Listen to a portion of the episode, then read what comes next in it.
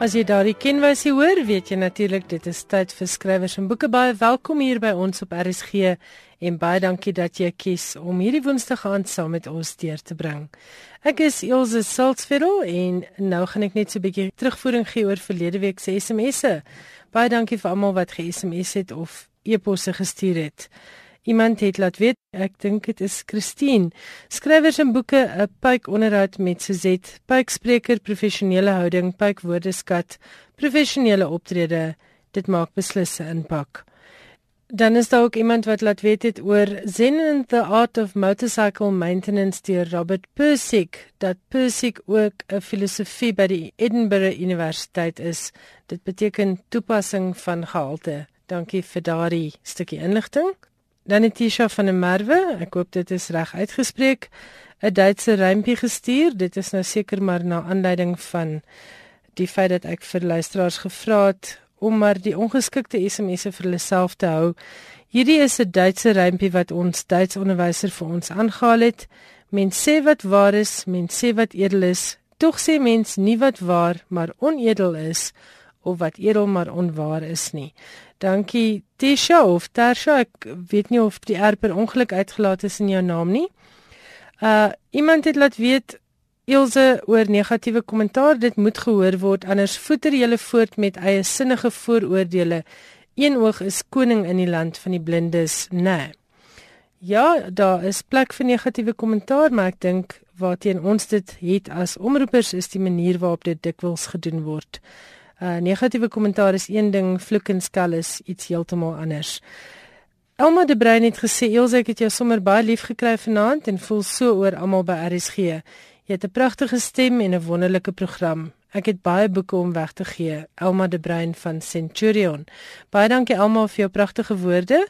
Kom gerus in kontak met jou naaste biblioteek of as jy werklik sukkel om van daardie boeke ontslae te raak, stuur net vir my e-pos by skrywers en boeke by rsg.co.za en ons kyk met wie kan ons jou in aanraking bring. Joan van Kaapstad is 'n Engelse luisteraar wat se af en toe vir my lekker SMS'e stuur. Sy vra, "Do you remember the Afrikaans comic strip Very Funny Stories about a Baboon Community?" I forgot the author's name. Joan, dit is T.O. Hannibal en die strokiesprent karaktertjie waarna jy verwys is Adoons. En Theo Hannibal was ook die skepper van die Oom Kaspaas strokiesprente.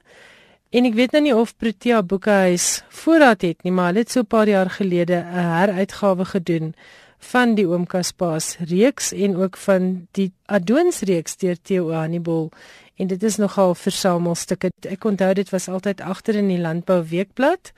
En as ons Desember na die familieplaas daar in die Langkloof is, dan was dit al wat ek gedoen het. Ek het die hele vakansie op die solder, so in die solder se deur geleef en daar was son en net die ou landbou weekblaaie van die jaar deurgeblaai om by oom Kaspaas of by Adoons uit te kom. Inderdaad 'n wonderlike stuk Afrikaanse letterkundige geskiedenis daardie.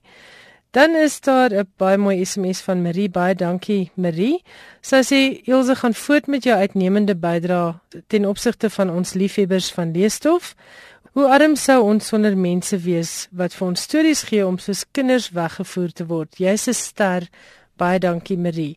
Marie baie dankie vir jou mooi woorde en ook dankie aan Christine van Germiston wat gesê het sy bly spesiaal woensdaande by die huis om na skrywers en boeke te luister. Baie dankie vir julle mooi woorde. Dit maak beslis my aand die moeite werd. As jy e-pos wil stuur, die e-posadres is skrywersenboeke@rsg.co.za en dan is daar uh, natuurlik die SMS lyn. Daarvoor is die nommer 45770. Baie dankie ook vir Sue wat vir my e-pos gestuur het. Sy het gesê baie geluk met die kalm en ferme manier waarop jy die bitterbek wat hom uitgelaat het oor onderwysers en Karel Skooman op sy plek gesit het. Glo my, daar's baie mense wat 'n groot waardering het vir die werk wat jy by RSG doen. En dit was van Sue Lombard. So baie dankie daarvoor. Soos ek sê, niemand is verhewe bo kritiek nie, maar dit gaan regtig net oor die manier waarop dinge gedoen word. Hierdie skrywers en boeke baie dankie dat jy saamluister. Nou is dit tyd vir ons hoofonderhoud van die aand. Ek hoop jy geniet dit.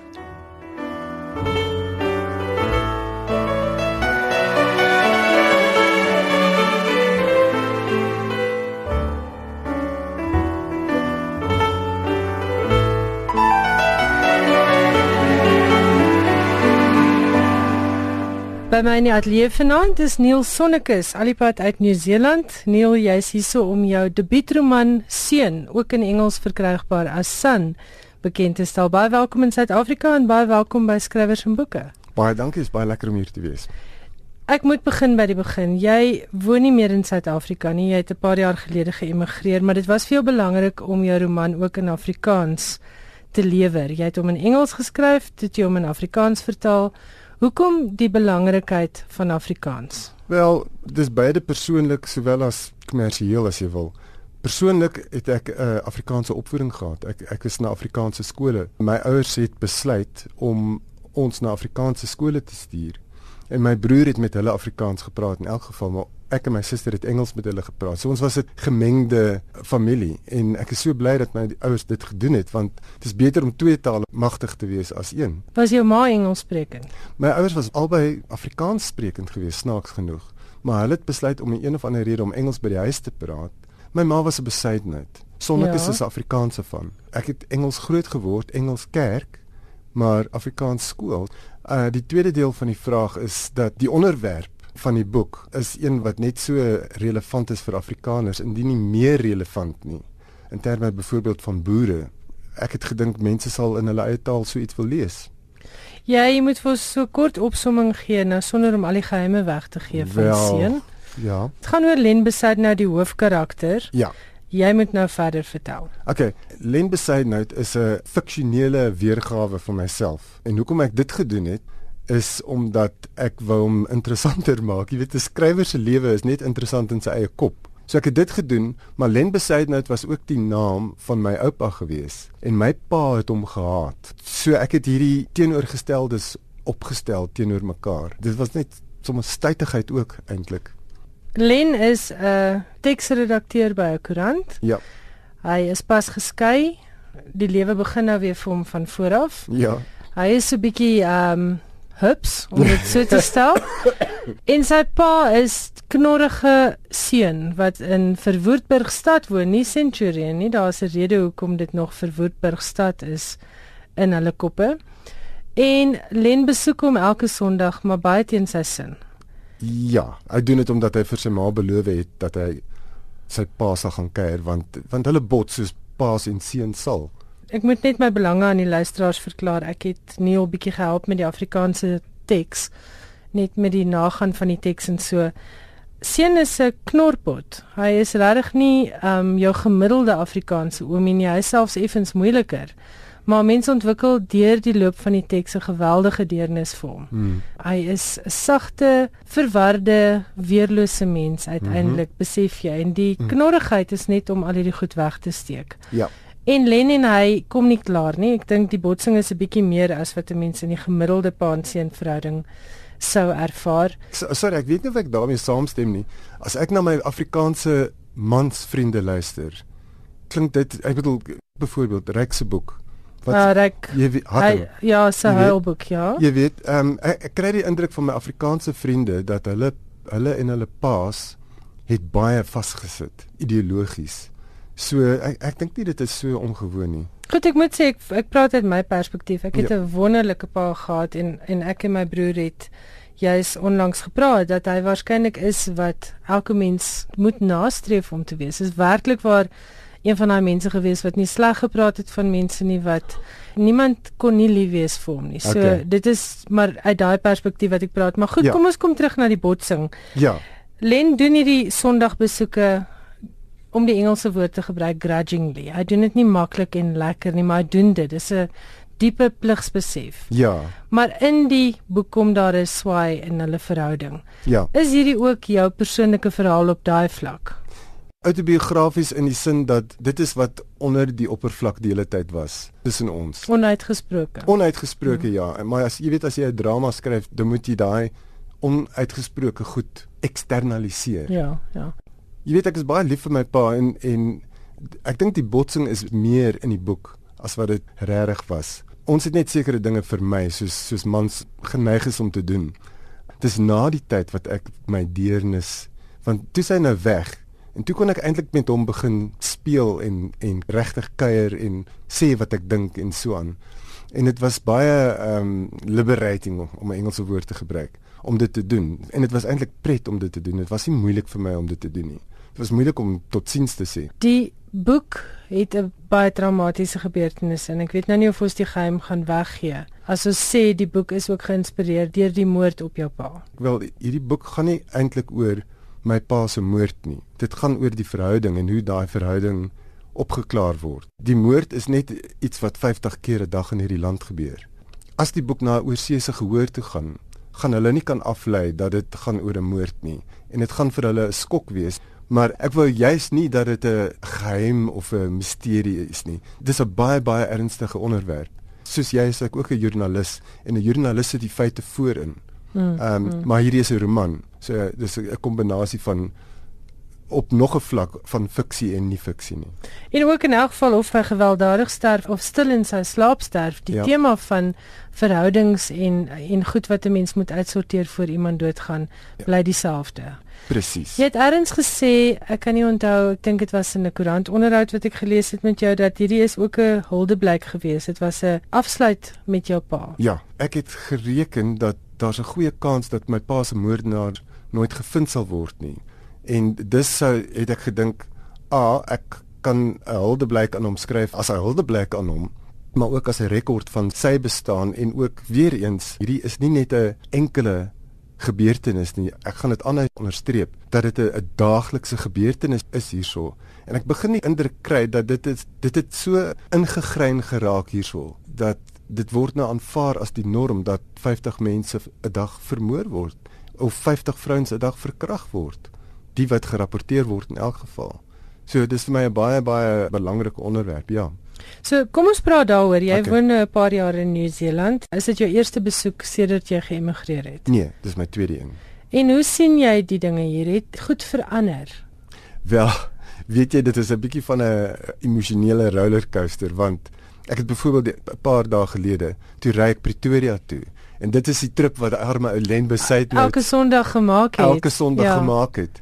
En ek moet sê, jy weet afgesien van enigiets anders, is dit vir my altyd opwindend om terug te kom. Die paai het nie so sleg gelyk nie. Ek het brûe sien, nuwe brûe gesien wat gebou is en, en daar's 'n simboliese uh konteks aan mm. dit ook. Maar dit lyk asof daar ontwikkeling is. In die winkels is die diens oor die algemeen baie goed en baie vriendelik.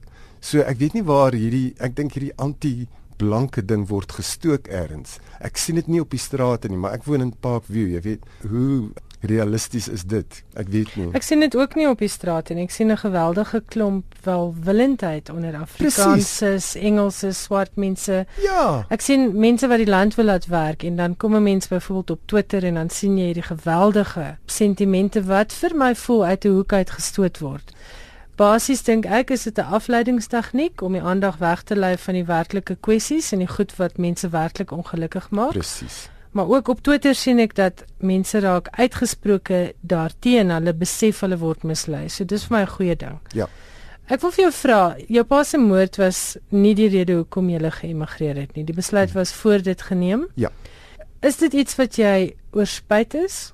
Dat jy nie in Suid-Afrika gebly het en deel is van hierdie verandering nie of is dit iets waarmee jy nou dat jy van die buiteland af inkyk nog steeds gemaklik mee voel? Ek is baie bly dat ek weggegaan het want my kinders floreer. Ek is ook bly dat ek weggegaan het want dit gee my 'n uh, ander insig in hierdie land. Ek is nog gekoppel aan hierdie land tot die dag wat ek dood is. Ek is nie een van daai mense wat op die noordoewer in Auckland sit en elke keer as iets verkeerd gaan hierso juig nie en sê ek het die regte besluit gemaak want dit dit regverdig my besluit en daai tipe nonsens. Uh, ek is ek is nog baie gekoppel aan hierdie land en ek sal altyd wees. Maar ek is baie bly ek het gegaan. Ek het nie 'n oomblik se spyt daaroor nie. Maar ek is ook verskriklik opgewonde as ek terugkom en ek ek raak ook die mekaar, jy weet jy raak emosioneel die mekaar want hierdie is jou tuiste vir die res van jou dae dit is hoe ek voel. Daar's baie mense wat waai en nee, nooit terugkyk nie en dit is ook fyn as dit hulle gelukkig maak, maar ek is baie betrokke by hierdie land al is ek in die buiteland. Ja, dit was baie interessant dat jy 'n Suid-Afrikaanse uitgewer gekies het vir die boek. In die Wel, eerste plek. Dit is 'n moeilike verkoop as jy daaraan dink, as jy net as jy net kommersieel daaraan dink. Hierso is jy 'n uitgewer wat 'n boek moet verkoop aan mense waarin die hoofkarakter aan die einde waai. hy verwerp basies die verhouding. Ek sien die ding as 'n verhouding die hele tyd, maar gestel nou dit was 'n verhouding tussen 'n man en 'n vrou. Ek sien altyd my verhouding met Suid-Afrika as hierdie verskriklike intense passievolle verhouding, maar dis een wat wat nogal destruktief is. Mm, mm. En jy weet partykeer is is iemand so interessant en jy moet hulle verlaat want hulle is jy, jy kan nie aangaan met jou lewe nie. Dit is verskriklik wonderlik. Maar dit is nie realisties nie. So ek sien dit so bietjie so. Ja. Dis ook wat gebeur met Len in die boek. Len het destruktiewe verhoudings. Hy is pas geskei, hy knoop verhoudings aan en dit werk eenvoudig nie. So was dit vir jou 'n subteks geweest. Ja, die die hele die hele ding is 'n verhouding. Ek bedoel die die twee hoofvrou en vrou karakters met wie hy verhoudings het, is metafore ook. Hulle is nie net vrouens hmm. en dis nie net sommer hulle krake besluite wat ek gemaak het vir hulle nie. Ehm um, hulle verteenwoordig ook iets. Ek wil nou vir jou vra, jy was 'n filmmaker ook toe jy in Suid-Afrika gebly het. Watter teks, watter soort skryf is vir jou die lekkerste roman of filmdraaiboek? Dis 'n moeilike een want ek is versot op films gewees. Maar weet jy, ek het filmtekste altyd spekulatief geskryf en dit het nooit eers gegaan nie. En toe gebeur my pa se moord nou. Toe dink ek, gaan ek weer een skryf op spek en niemand gaan dit koop nie. Toe dink ek, hierdie keer gaan ek 'n permanente rekord maak. Ek wil daai ding op my boekrak hê en sê, daar is my monument of wat ook al jy dit wil noem vir my pa. So dit was 'n bewuslike besluit geweest. Maar hoe moeilik was die skryf van die roman vir jou? Want ek weet persoonlik jy het verskriklik geworstel om hierdie boek af te gee en op te hou torring aan die ding. Jy's 'n perfeksionis. Ek wil vir die luisteraar sê hy het my absoluut grys en gek gemaak. En ek moes vir Marita van der Vyver se aanhaling aanhaal wat sê jy moet 'n boek op 'n stadium net opgee en oorgee. Jy is nooit klaar met hom nie. Nee. Was dit anders as wat jy verwag het? dit was anders in die sin dat en hierso kom die hele Beethoven ding in. Ja, Beethoven is ook 'n belangrike uh simbool in die boek. Hy is amper 'n kern simbool mm. in in die boek. Die boek se klankbaan is Beethoven se strykwartette. En ek het hom selfs by die Universiteit van Auckland gepitch as as ek wil omskryf in vier bewegings. En een van daai bewegings sou gewees het die briewe van 'n Kiwi man wat deur dieselfde proses as my pa gegaan het. En hy het hierdie briewe huis toe geskryf vir sy liefling hulle is verloof net voordat hy voordat hy oorlog toe is. Noord-Afrika toe hmm. is soos my pa en jy weet dit was ra ra ra back by Christmas tipe ding. En teen die einde is daar hierdie gewaarwording in die konsentrasiekamp in Oos-Duitsland soos my pa se waar hy sê hoor hierso as jy my wil verlaat kan jy want ek dink nie ek kan meer die wêreld sien sonder deur Oogiestraat nie en dis verskriklik ontroerend. Toe dink ek dit sou 'n nice beweging wees en dan net sketse van my pa soos ek op Facebook doen. Ek doen partykeer sulke kort sketse. Ek weet nie of jy hulle mhm. al gesien het nie. Dis wat die ding hele ding begin het. En hierdie vrou het my aangekyk asof ek mal is dat ek 'n roman wil skryf in vier bewegings soos 'n strykkwartet. En dit het nie gewerk nie. Dit kan miskien later werk. Miskien kan ek later aan daai daai briewe koppel aan die ding net as 'n as 'n postscript of iets want hulle is verskriklik ontroerend en en dit is nie 'n gepubliseerde boek nie. In elk geval uiteindelik het die struktuur van die ding geval soos hy geval het. En dit is een storie is, is Lense storie waar hy te kere gaan en basies net seks wil hê. En die ander een is is waar hy en hy drink en hy ja, hy jolifikeer al, want hy's nou geskei ja en, ja. En die ander storie is waar hy waar hy sy vir sy pa gaan kuier met 'n babbelas. En ek dink dit werk die twee alternatiewe wêrelde. Want die, die pa is 'n puritein jy jy sê hy's ou korrelkop nê nee, hy's 'n korrelkop moeilik maar, en korrek. Ja hy's baie korrek maar die ding is hy's eintlik die seun se held. En ja en hulle kan dit nie vir mekaar sê nie nê hulle nee. kan nie praat oor wat hulle vir mekaar voel nie. Dit was vir my baie ontroerend. Ja Well, en soos ek sê mens kry uiteindelik 'n diep simpatie vir albei. Mens raak lief vir seun met al sy knorpot foute en jy wil vir Len aan die skouers skud en vir hom sê jou tyd met jou pa loop uit. Maak die beste daarvan. Maak vrede en hy's hy's gelukkig dat hy miskien vrede kon maak met sy pa. Maar ons het nog nie die vraag beantwoord nie. Dit is of dit moeilik was of nie. Tegnies was dit moeilik geweest want ek het nog nooit 'n roman voor dit klaar gemaak nie. En hierdie keer moes ek dit reg kry en ek moes hom gepubliseer kry. So dit was nie moeilik vanuit 'n emosionele oogpunt nie. Dit was my lekker om met my pa te praat uiteindelik.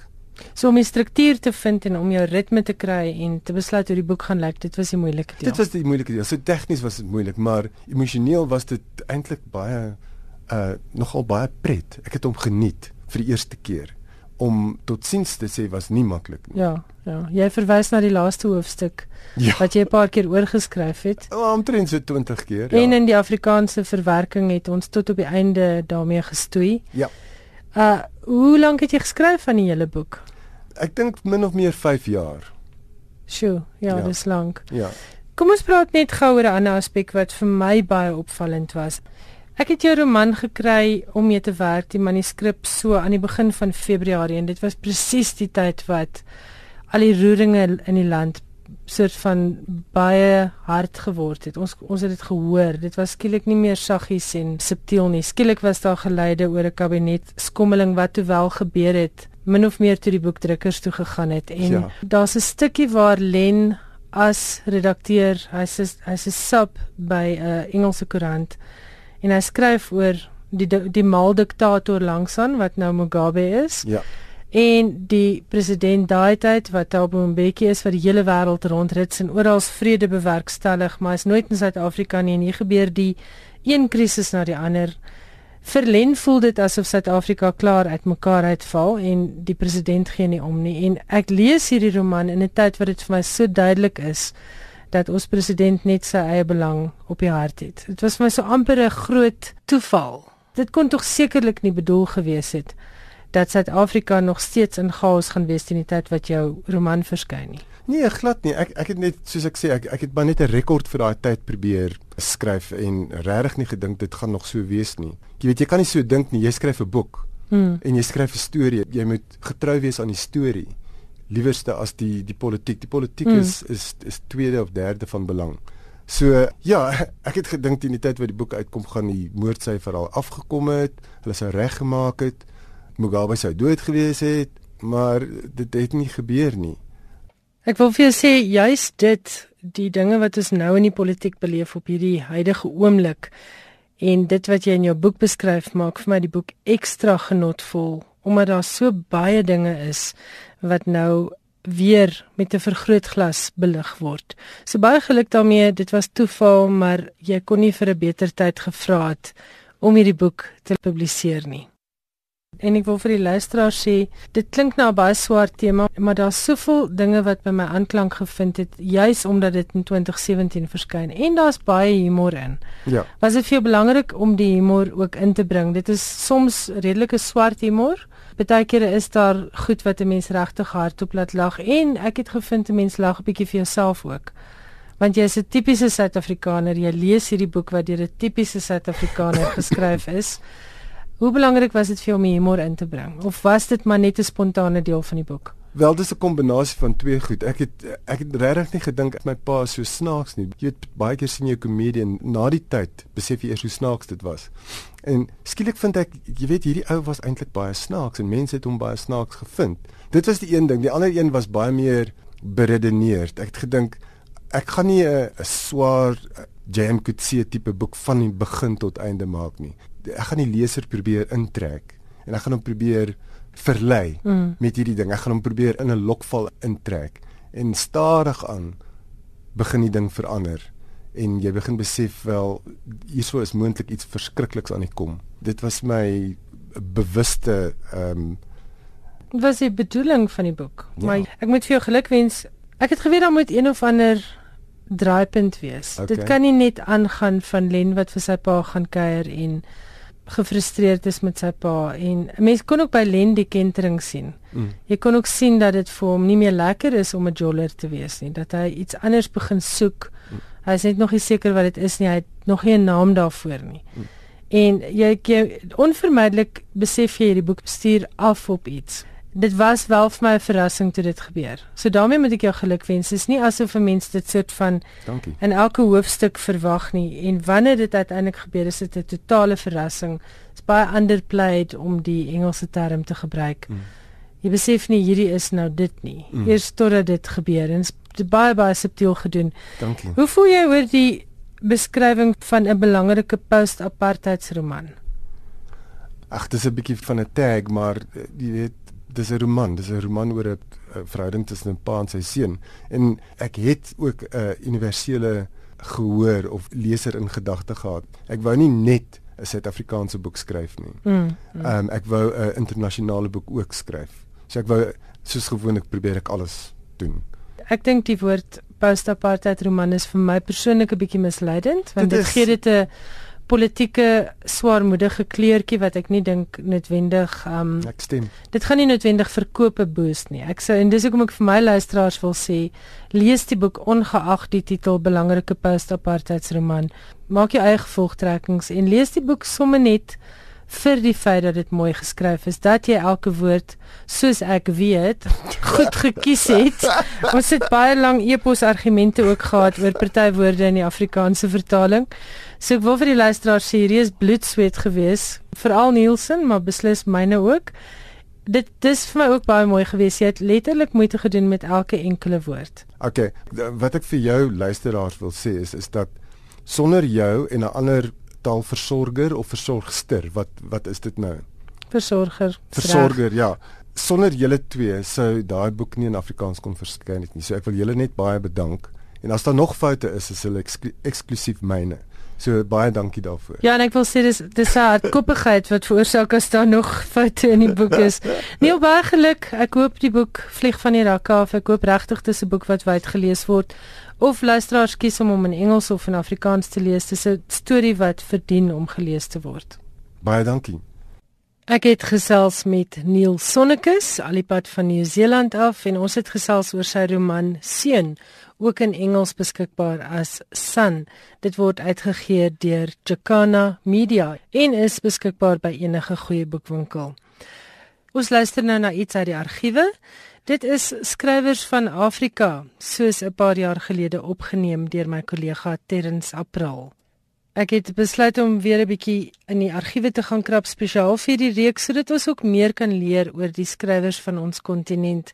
En finansie skrywer was nogal vir my 'n verrassing want wie sou kon dink dat 'n rebelle leier wat in 'n oorlog betrokke was ook 'n digter kon wees. Hier is Terrence April met inligting oor die poësie van Agostino Neto van Angola.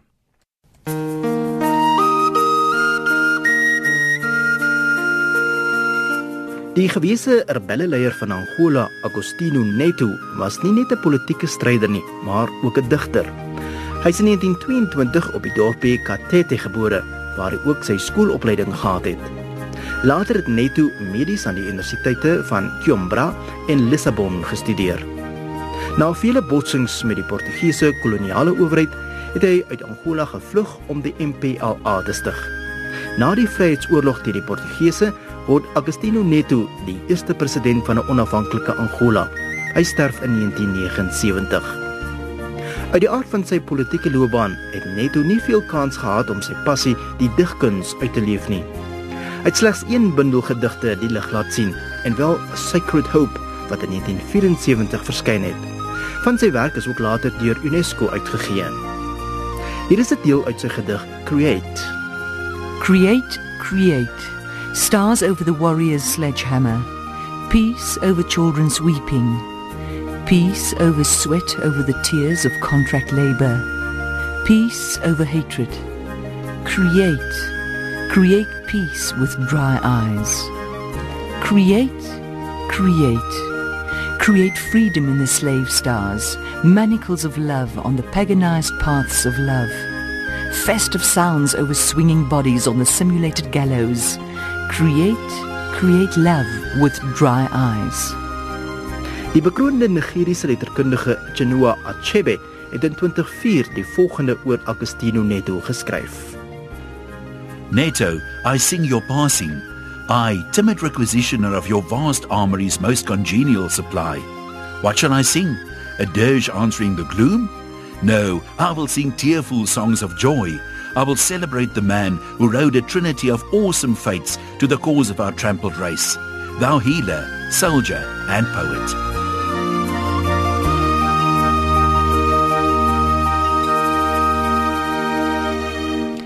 Tydens April het hierdie reeks insetsels oor skrywers uit Afrika saamgestel en jy het ook die stem van een Wessels gehoor. Ek is Elsje Salzwetel, hierdie is skrywers en boeke en nou is dit tyd vir Johan Meiburg. Johan, waar gesels jy vanaand? Baie welkom. Baie dankie.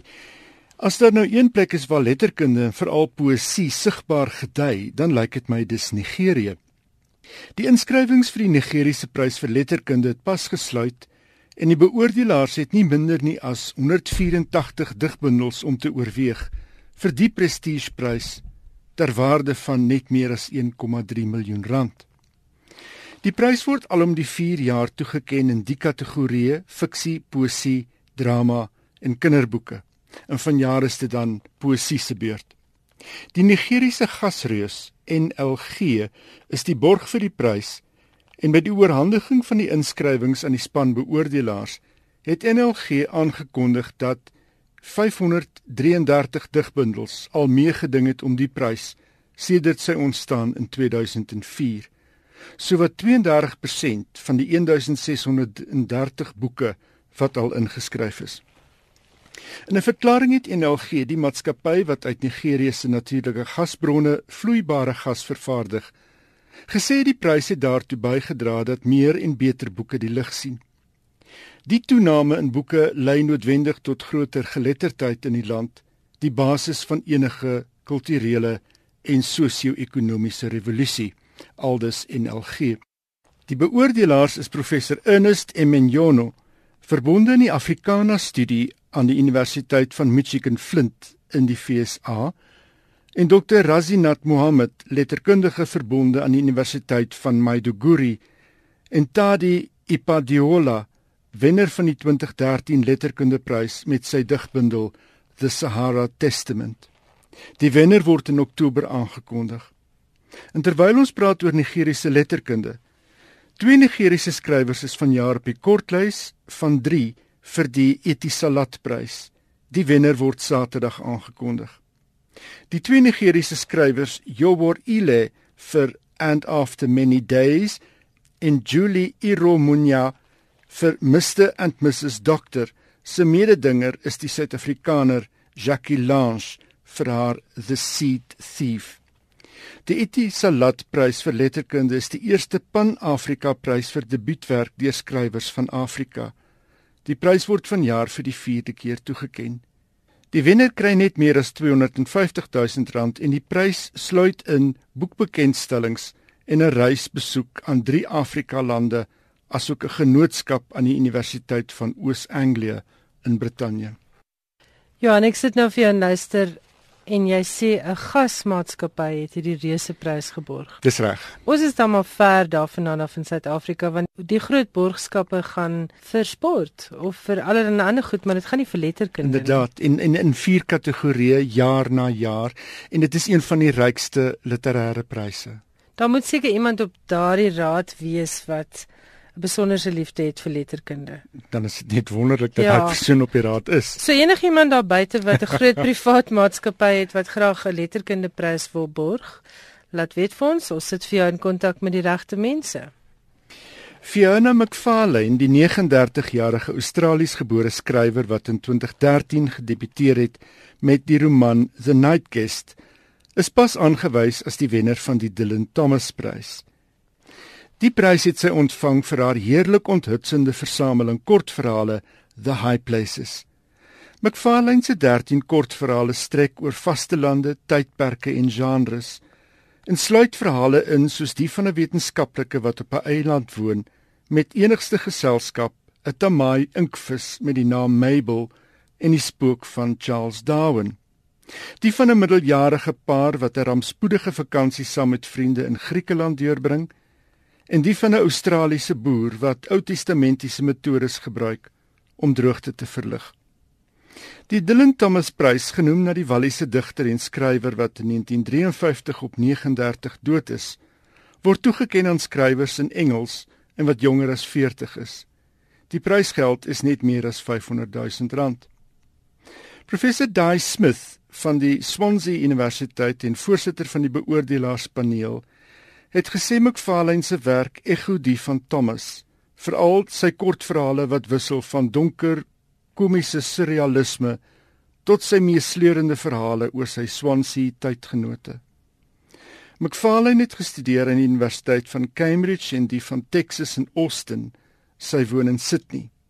The Night Guest is in 2014 benoem vir die Guardian Prys vir debuutwerk. Die laaste ongepubliseerde verhale van die Amerikaanse skrywer F. Scott Fitzgerald het pas by Simon & Schuster verskyn.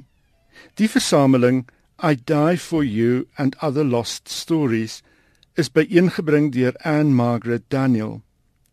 Die verhale in die bundel dateer van die middel en laat 1930s toe Fitzgerald in Noord-Carolina gewoon het en toe sy gesondheid kwaai gelei het onder sy strawwe drinkgewoonte. Talle van die stories is destyds nie vir publikasie deur gesaghebende tydskrifte aanvaar nie omdat die onderwerpe in styl soveel afgewyk het van dit wat redakteurs in die 1930s van Fitzgerald verwag het. So het Simon & Schuster laat blyk. In plaas daarvan om voorgestelde veranderings aan te bring of die tekste ontsmet, het Fitzgerald besluit om die verhale nie uit te gee nie, hoewel hy in die tyd geld en aansien dringend nodig gehad het. Fitzgerald het in sy lewenstyd 4 boeke die lig laat sien: The Side of Paradise in 1920, The Beautiful and Damned van 22, The Great Gatsby van 1925 en Tender is the Night van 1934. The Last Tycoon het in 1941 verskyn, 'n jaar na sy dood op 44 jarige ouderdom. Hy het ook 4 bundels kortverhale gepubliseer. Pas het ook 'n biografie deur David S. Brown verskyn, Paradise Lost: A Life of F. Scott Fitzgerald, uitgegee deur Harvard. In die omvattende biografie ondersoek Brown Fitzgerald se kinderdae, sy jeugliefdes en sy verhouding met sy vrou Zelda. Sy vriendskap met Ernest Hemingway kom in die prentjie, asook die goue jare wat 'n hoogtepunt bereik het met Gatsby. Saam met die gevolge van die wêreldwye depressie van die vroeg 1930s en vererger deur drankmisbruik, het Fitzgerald stelselmatig agteruitgeboer. Brown gooi wel die kollig op Fitzgerald as the chronicler of the jazz age, as die skrywer wat 'n veranderende Amerika so nommerpas beskryf het die jare na die Eerste Wêreldoorlog toe die FSA asof onophoudelik met welvaart geflirteer het. Fitzgerald se grootste bydrae tot die Amerikaanse letterkunde was juis sy vermoë om die tydperk te verwoord. Dankie Johan Meiburg. Jy laat my altyd wens dat ek al die tyd in die wêreld gehad het sodat ek net kon lees. Volgende week is Johan terug, maar ongelukkig beteken sy bydrae dan ook dat ons aan die einde van Finansie skrywers en boeke gekom het. Onthou my e-posadres is skrywers en die SMS-nommer is 45770.